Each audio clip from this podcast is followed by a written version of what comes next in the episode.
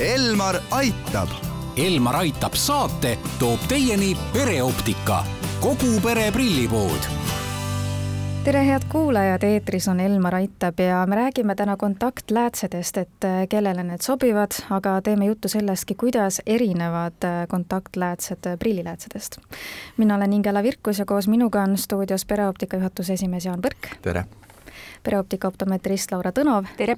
ning Essilori prilliklaaside tootespetsialist Margo Tinno. tere! milliseid kontaktläätsi tänapäeval üldse pakutakse? valik on tegelikult väga suur, äh, alustades ühepäevastest kontaktläätsedest, äh, kuuajastest kontaktläätsedest, mis on siis päevase kandmisrežiimiga, on ka olemas selliseid kontaktläätsi, mida võib kanda ähm, nii-öelda siis pikalt järjest silmas, niimoodi, et neid öösel ära ei võeta. on värvilisi kontaktläätsi, on isetumenevaid kontaktläätsi millistel juhtudel võiks üldse siis kontaktläätsed prillidele näiteks heaks alternatiiviks olla? Äh, kindlasti näiteks sportimisel, erinevatel äh, üritustel. ja samal ajal siis saab näiteks ju neid kanda ka päikseprillidega samaaegselt? jaa, see on tegelikult väga hea variant, sellepärast et äh, päikseprilli valik ja päikseprillid on ju tegelikult ka aksessuaarid ja kõikidel inimestel on soov kanda päikseprilli, mis meie vaatevinklist vaadatuna jälle on silmale väga suureks kaitseks. Äh, loomulikult äh, kandes kontaktläätsesid ja päikseprille on loomulikult vaja arvestada sellega, et äh, kontaktläätsede kandmine on silmale natukene ohtlik, et ei soovitata kanda kontaktläätsesid seal, kus on tolm Äh, seal, kus on väga kuiv õhk ja no sinna alla loomulikult kuulub ka rand, et äh, tuul, äh, selline lendlev liiv ja kõik see on siis kontaktläätsedele ohtlik. aga iseenesest kontaktläätsed ja päikseprillid sobivad väga hästi kokku kas silma seisukorrast, silma tervise seisukohast näiteks on mingid sellised olukorrad, kus kontaktläätsesid üldse ei, ei tohikski kanda? Äh, erinevad äh, põletikud, ehk siis põletike esinemise ajal kindlasti kontaktläätse kasutada ei tohi. Ähm, on ka näiteks mingisugused silma eriparameetrid, kas siis tugevused, kas siis sarvkesta kuju, mille puhul samuti kontaktläätse lihtsalt kanda ei saa Laura, sa mainisid enne värvilisi selliseid nii-öelda nagu ilukontaktläätsesid, mis muudavad siis silmade värvi ja et äh, kuidas üldse selliseid kontaktläätsesid äh, välja kirjutatakse, et me oleme siin rääkinud nägemiskontrollist, et äh, saab siis kontaktläätsesid ka kuidagi retseptiga või, või kuidas üldse selline nägemise korrigeerimiseks kontaktläätsesid saab? Selleks on eraldi nägemise kontroll, mis siis erineb natukene sellest tavasilmakontrollist. kontrollitakse kindlasti Äh, väga täpselt üle see silma esimene osa, kuhu see kontaktlääts meil asetub. kontrollitakse üle, mis kaarekumerusega see kontaktlääts peaks olema äh, ja ka samamoodi kontaktläätse retsept erineb siis prilli retseptist.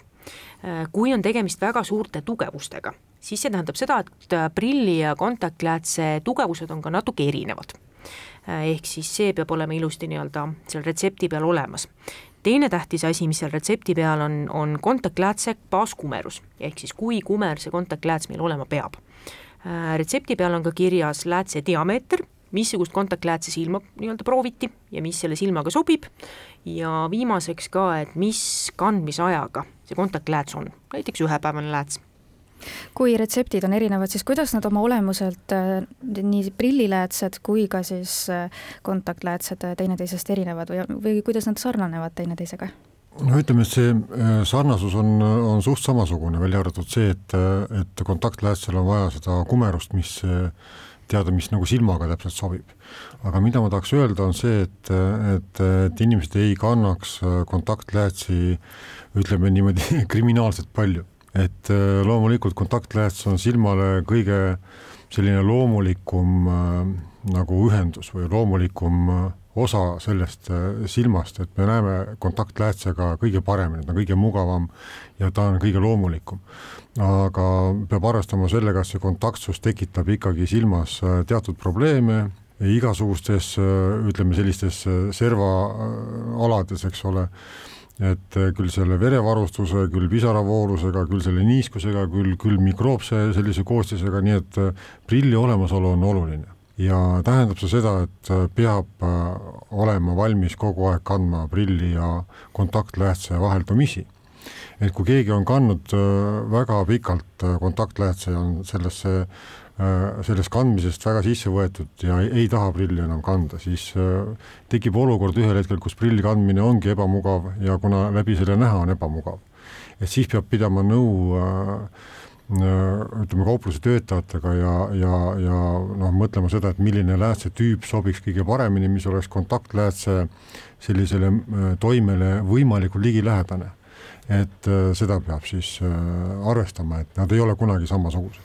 Ja mina rõhutan seda, et tegelikult ei ole kasulik silma nüüd prillist võõrutada, sellepärast et noh, kui me äh, Äh, asetame sellele silmale selle nii-öelda tehnilise läätse peale, noh, ükskõik kuidas me mõtleme, me teame seda, et, et me tegelikult kasutame seal nii-öelda võõrkeha. Ja see võõrkeha tegelikult on otseses kokkupuutes meie äh, silmaga ja, ja need probleemid seal äh, on näha siis, kui see probleem on tekkinud ja siis, kui see probleem tekkinud on, siis on hästi raske seda parandada.